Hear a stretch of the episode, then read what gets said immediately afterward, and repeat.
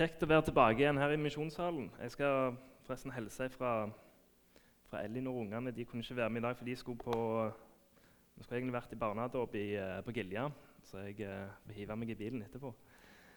Men eh, det har skjedd litt siden sist jeg var her. Jeg må gratulere dere med kjøp av eh, brannstasjonen. Det var gøy og kjekt å høre. Spennende å se hvilke planer Gud har for, eh, for det bygget. og Sandnes by. Jeg har sjøl tatt på meg et uh, litt stort prosjekt hjemme. Jeg, uh, siden sist har jeg begynt å grave ut kjelleren. Det, det gjør du visst bare én gang i livet, og det forstår jeg hvorfor. Uh, men det begynner å gå framover nå. Jeg har mye god hjelp av faren min, som er pensjonist og liker å jobbe. Så nå skal vi snart til å støype gulv, så da blir det litt bedre tider. Men det er ikke alle som gjerne husker Young Life, eller uh, hvem jeg er. Men som sagt så heter jeg Kjartan Robb. Jeg jobber i noe som heter Young Life her på Madla.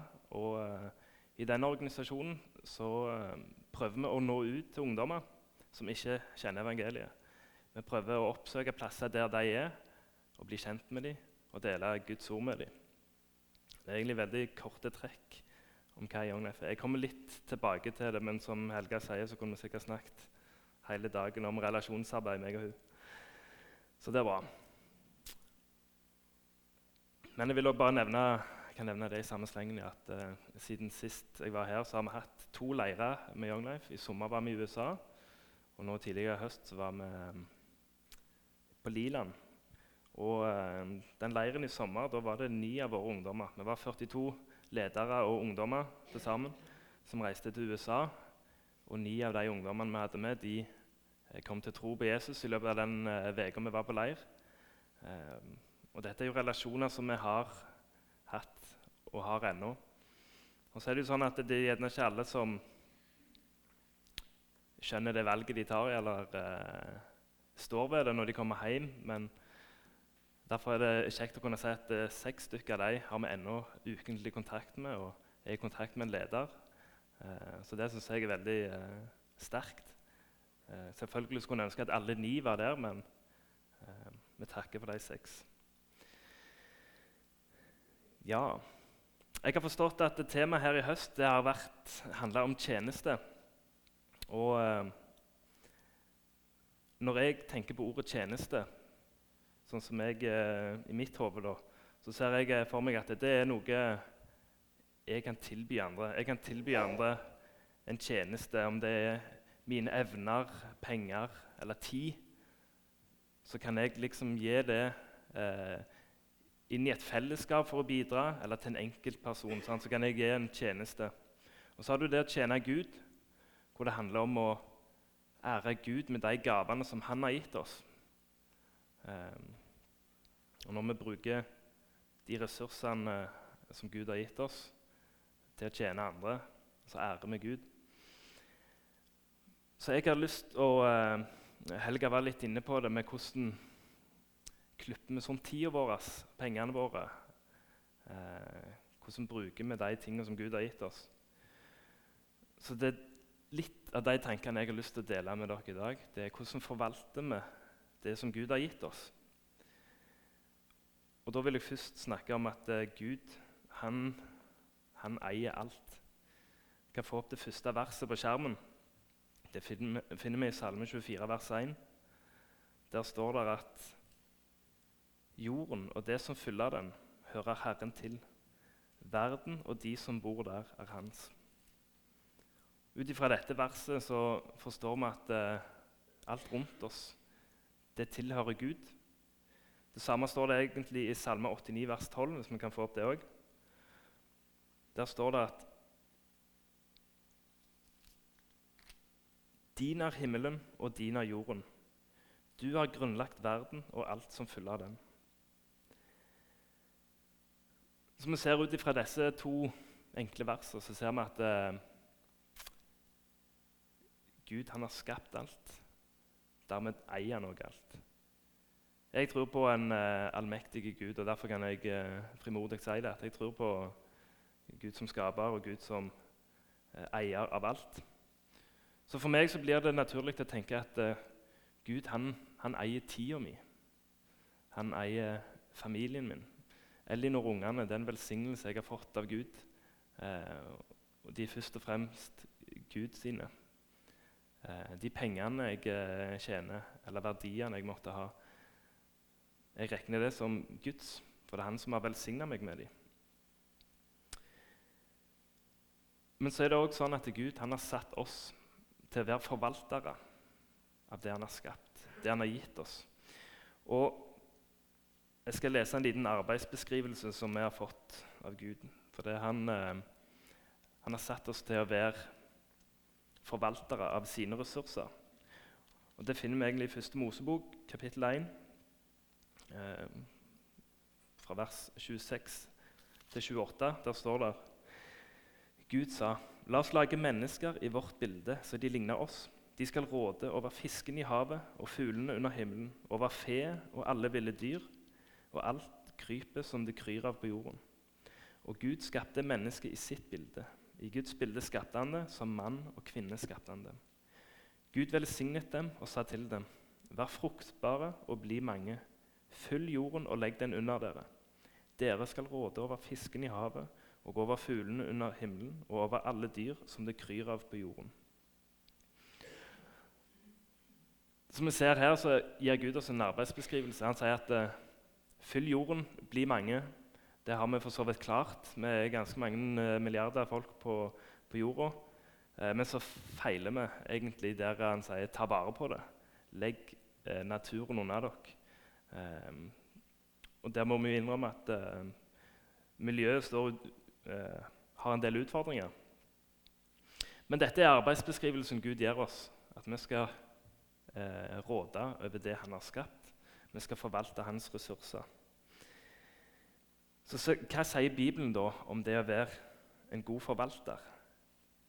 Det å være eh, forvalte hans ressurser. I eh, Nye testamentet så snakker Jesus om, eh, om nettopp det. Det står i både Mattes 25 og Lukas 19.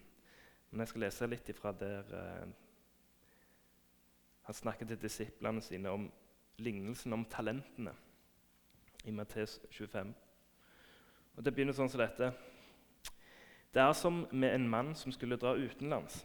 Han kalte til seg tjenerne sine og overlot dem alt han eide. En ga han fem talenter, en annen to og en tredje én talent, etter det hver enkelt hadde evne til. Så reiste han. Og bare der tenker Vi må legge merke til at uh, han ga den enkelte etter det de hadde evne til. Uh, for det denne herren her visste, det var hva den enkelte kunne og hadde kapasitet til. Så Herren han gir i forhold til de eh, evnene som de hadde. Og så kan vi lese at Han som hadde fått fem talenter, og han som hadde fått to talenter, de gikk, de gikk vekk og så drev de handel med det. Så tjente de det dobbelte. De dobla eh, det beløpet de hadde fått. Og så kommer han eh, som bare hadde fått én talent. Det er denne herren han kommer tilbake, og så skal han ha tilbake det han har gitt dem. Og Da er han veldig fornøyd med disse som har kommet og dobla fortjenesten. Men så kommer han som bare hadde fått én talent. Og så sier han at eh, Han kommer fram for Herren og så sier han, 'Herre, jeg visste at du er en hard mann som høster hvor du ikke har sådd, og sanker hvor du ikke har stått ut.' Derfor ble jeg redd og gikk og gjemte talenten din i jorden. Se, her har du ditt. Eh, så vi har to typer forvaltere her. Noen som eh, går og dobler det som eh, Herren har gitt dem, og en som går og gjemmer det vekk. Men alle visste hva Herren, eller som dette er bildet på, hva Gud eh, var, kunne gjøre. da. For selv han, han siste han sier jeg, jeg vet at du er en hard mann som høster hvor du ikke har sådd, og sanker hvor du ikke har strødd ut. Så han visste veldig godt hvem han hadde med å gjøre. Så hva kan disse forvalterne her da lære oss i dag? Vi kan lære forskjellen på en god og en dårlig forvalter. Eh, så jeg måtte stille meg, eh, meg sjøl noen spørsmål. Eh, for Tidligere har jeg kanskje tenkt at denne teksten handler om siden det er snakk om penger her, så har jeg relatert det til mine penger. Men hvis vi går tilbake til disse versene hvor, hvor vi leser at det er Gud han er skaperen av alt, dermed eier han òg alt, så kan vi tenke på at denne lignelsen om det å forvalte det handler om alt som Gud har gitt oss, alle hans ressurser. La oss ikke henge oss opp i pengene. Så da stilte jeg meg disse spørsmålene. Hvordan bruker jeg tida mi? Og Da skrudde jeg på noe som heter skjermtid på mobilen min. Og eh, Det var egentlig skremmende å se hvor mye tid som går vekk på vas på en telefon i løpet av ei uke. Um, livet mitt uh, og vårt generelt det kan av og til være stress. Da er, det, da er det forskjell på det å få en stressoppgave på jobb som du, uh, Hvordan skal vi løse denne? Eller på skolen, eller hvor det måtte være. Men av og til så tror jeg vi kan lage livet veldig stress for oss sjøl. Jeg tror ikke Gud har kalt oss til å leve et eh, stressete liv. Eh, så kanskje tar vi på oss for mange tjenester i forhold til det Gud har bedt oss om. Når du blir spurt om å være med i en ny tjeneste, om det er i menigheten eller hva det skulle være, søker en da Gud i det først? Går en og spør Han Regner en over det? Har jeg tid til dette? Og Hvis en sier ja, sier en da nei til noe annet? Så ikke livet skal bli stress. For Jeg tror ikke Gud har kalt oss til å leve i et kav. Um, så jeg tror For min del så må jeg av og til stoppe opp og tenke ok, uh, Har jeg tid til dette? her? Har jeg tid til å tale i misjonssalen når jeg skulle vært i barnedåp? Uh,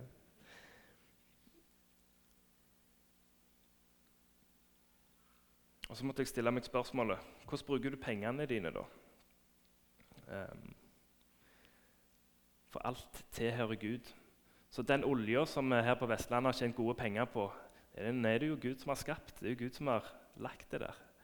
Uh, de trærne som vi bygger flotte hus av, det er jo Gud som har skapt det.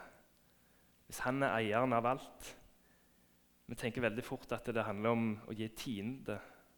Men eh, hvis vi har et perspektiv på at Gud han eier jo alt vil det da få en konsekvens av hvordan vi bruker våre penger, økonomien min?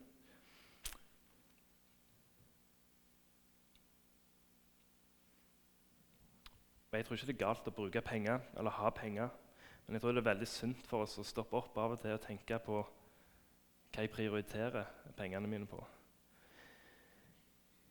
En annen ting som jeg måtte tenke på, det var nådegaver. For Gud han har gitt menigheten sin nådegave. Han har utrusta menigheten sin med nådegaver. Og Vi skal ikke lese derifra, men fra 1. Korinterne 14 så skriver Paulus om eh, Han skriver at han skulle ønske at alle kunne både tale i tunger og tale profetisk. Så skriver han at aller helst vil jeg dere skal tale profetisk. For det er med på å bygge opp mennesket. Det er med på å bygge opp menigheten. Så hvordan er vi som både personlig og vi som menighet, hvordan forvalter vi de nådegavene Gud har gitt oss? Er det rom for å tale profetisk? Er det rom for å tale i tunga? Og hva med alle de andre nådegavene som Gud har gitt oss? Forvalter vi de på en god måte? Er vi med på å bygge opp menigheten med de gavene Gud har gitt oss? Den siste forvalteroppgaven som jeg har lyst til å snakke om, det er hvordan vi forvalter de relasjonene Gud har gitt oss. Um, og I dag så skal jeg ikke snakke om relasjonen med Gud. Uh, selv om det bare for å si det, så mener jeg oppriktig at jeg tror det er den viktigste relasjonen vi har.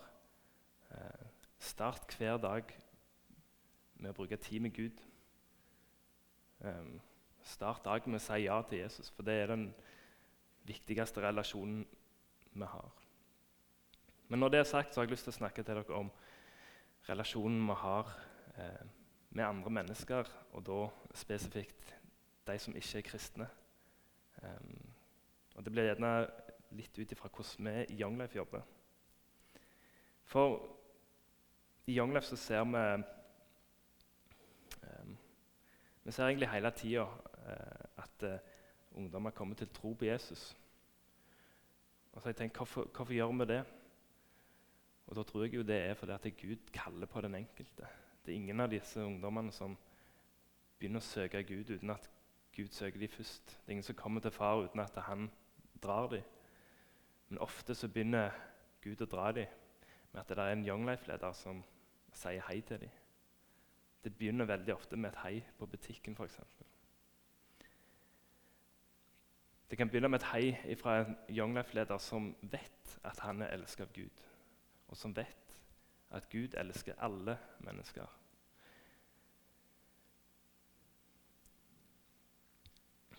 Og For denne Young Life-lederen så har denne vissheten om at Gud elsker han, det har fått han til å tenke annerledes på hvordan han forvalter tida si, på hvordan han lever livet sitt.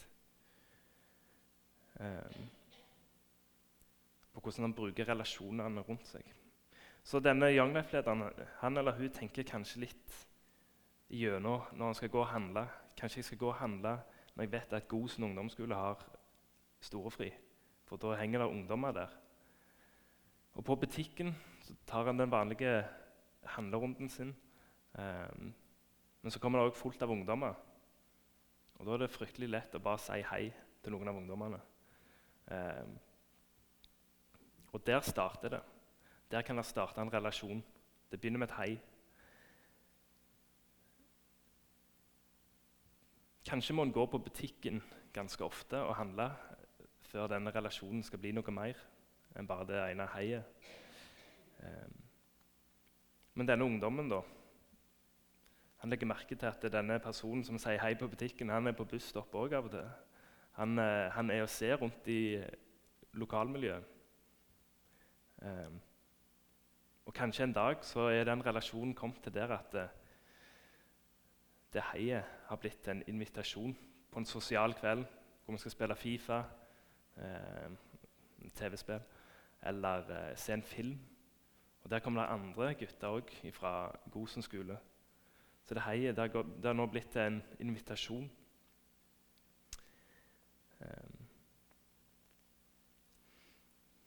Og på denne filmkvelden, eller eh, spillekvelden, så, så, treffer en andre på sin alder som òg henger med disse Young Life-lederne. Og, og, han har lagt merke til at det, det er noe som heter klubb, som de har hver tirsdag. Så samles de.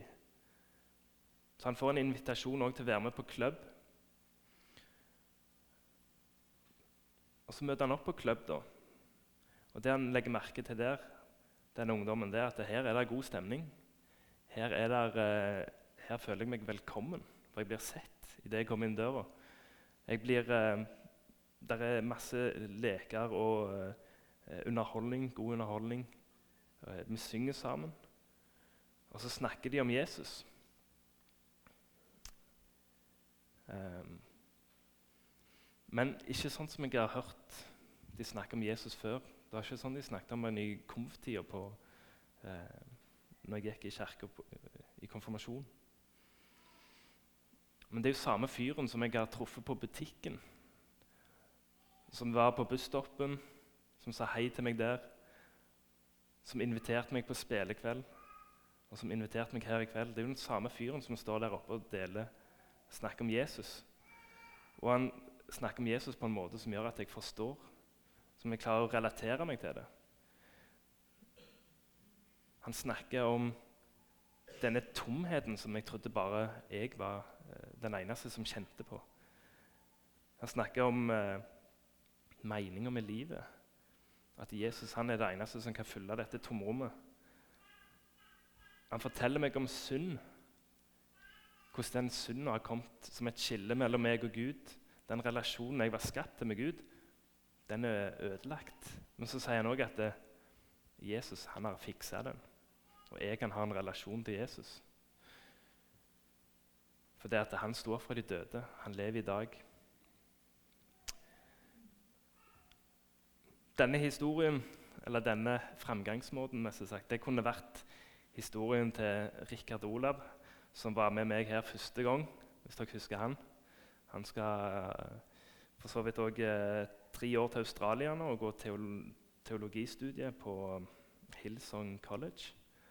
Eh, men dette kunne vært hans historie. Eh, det kunne vært Audne, som òg har vært med meg her. Eller det kunne vært Maren, Kristin, Karen, Cecilie og mange andre navn som, eh, som har fått ei tro på Gud fordi at noen eh, oppsøkte dem, og noen inviterte de inn i livet sitt. Noen forvalta tida si på en måte som eh, gjorde at jeg ble inkludert. Så noen av de som hører dette budskapet vi snakker om på klubb, de kommer til tro på Jesus. Og For mange det, så blir det et såkorn som blir sådd. Og så får vi stole på at Gud gir vekst. Og Det begynner med at mennesker blir gitt ressurser av Gud som de forvalter på en god måte. Og jeg tror at eh, alle kristne skal være vitner for andre mennesker. Jeg tror ikke det er en oppgave for spesielt interesserte. Jeg tror det er noe vi alle har fått i oppdrag for.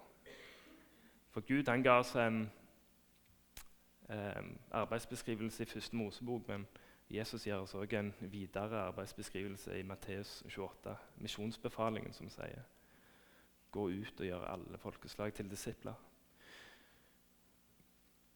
Og Det tror jeg gjelder alle oss som tror at Jesus er Gud. Men så er det ikke sånn at alle må drive med Young Life. Um, nå tror jeg at Young Life er en veldig god måte å nå ikke-kristne ungdommer på. Men det handler om ungdommer. Um, det er mange andre mennesker i verden også som ikke tror på, på Jesus. Det er ikke bare ungdommer. For dere i misjonssalen dere har òg arbeidskollegaer, naboer så hvordan forvalter vi de relasjonene? Hvordan forvalter vi de relasjonene vi har til naboer, som Gud har gitt oss? For din ikke-kristne nabo han, eh, han, er ikke interessert i å bli invitert inn i misjonssalen så Svein Anton skal fortelle han evangeliet. Men han venter på at du skal fortelle han evangeliet.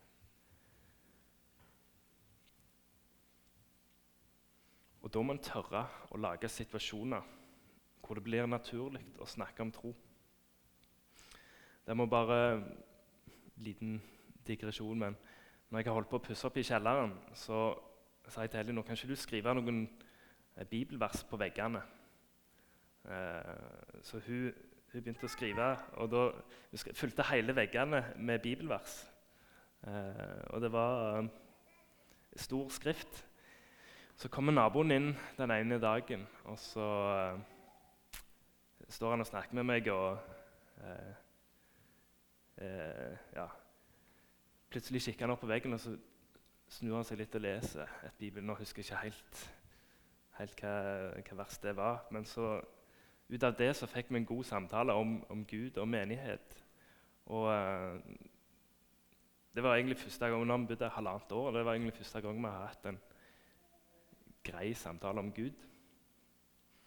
Um, så vi må gjerne av og til skape de situasjonene litt sjøl. Men så er det sånn, hvis vi forvalter tida vår på alt mulig annet, så er det ikke sikkert vi har tid til naboen. Det er ikke sikkert vi har tid til den gode samtalen over en kopp kaffe. Kanskje jeg kan uh, virke litt hardt, og jeg kjenner ikke dere personlig. Um, men så håper jeg at hvis dere finner dette utfordrende med å hvordan forvalter en relasjonene til naboene og de ikke-kristne som Gud har plassert i livet vårt? Så gå til Gud med det. At dere starter hver dag med å si ja til Jesus. Så For å trekke inn denne lignelsen litt igjen, da. Hvordan er jeg som forvalter? Hvem av disse forvalterne er jeg? Og jeg tror nok For min del så er jeg nok litt i begge leirer. Noen ganger så bruker jeg tida mi bra. Jeg gjør bra økonomiske valg. Og jeg starter morgenen med å lese i Bibelen. Um, andre ganger så vet jeg at jeg ikke er så smart med tida mi. Jeg gjør dårlige økonomiske valg, som å begynne å grave ut en kjeller. Og jeg eh, kan gå dager uten at jeg leser i Bibelen, for det plutselig gikk tida. Så jeg tror jeg på for min del vet veldig godt at jeg havner litt i begge leirer som en forvalter. Skulle ønske jeg kunne stått her og sagt at jeg dobla det Gud ga meg hver gang. Men det gjør jeg ikke. Men så tror jeg at Gud er nådig òg i det. For det handler ikke om at eh, vi skal bli mer frelst. Det kan vi ikke gjøre noe med. Gud har allerede frelst oss. Men jeg tror det handler om å få leve i det livet som Gud har gitt oss. At Gud han har en plan for våre liv.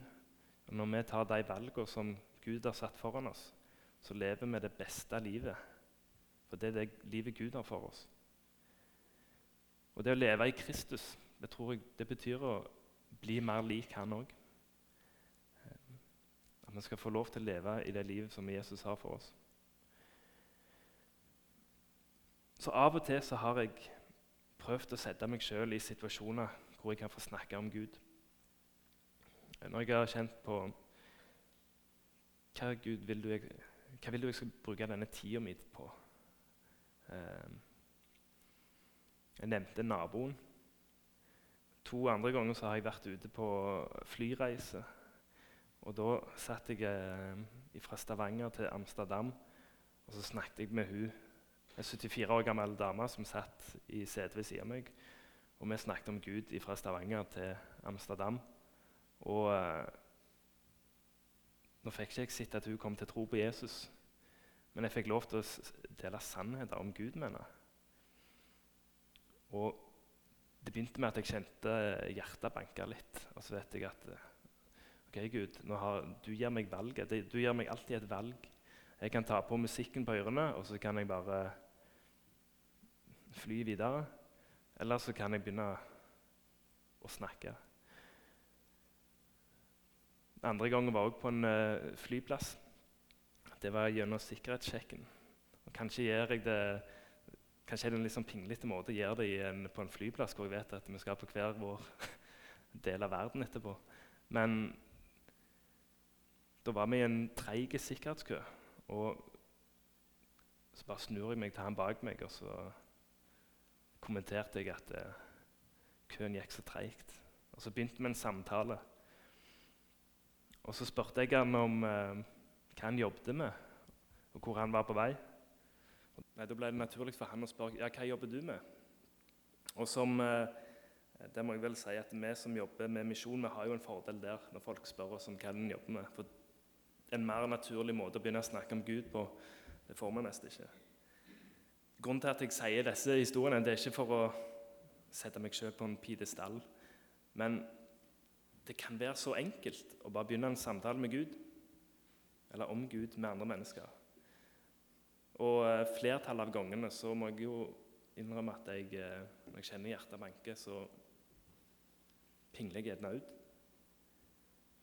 Men Gud, han, eh, han er nådig i det, og han digger når vi tør å gå på de, de bankende hjerteslagene som han gir oss. Jeg tror at folk Folk flest de lengter etter dypere samtaler med folk. De lengter etter å ha ekte samtaler.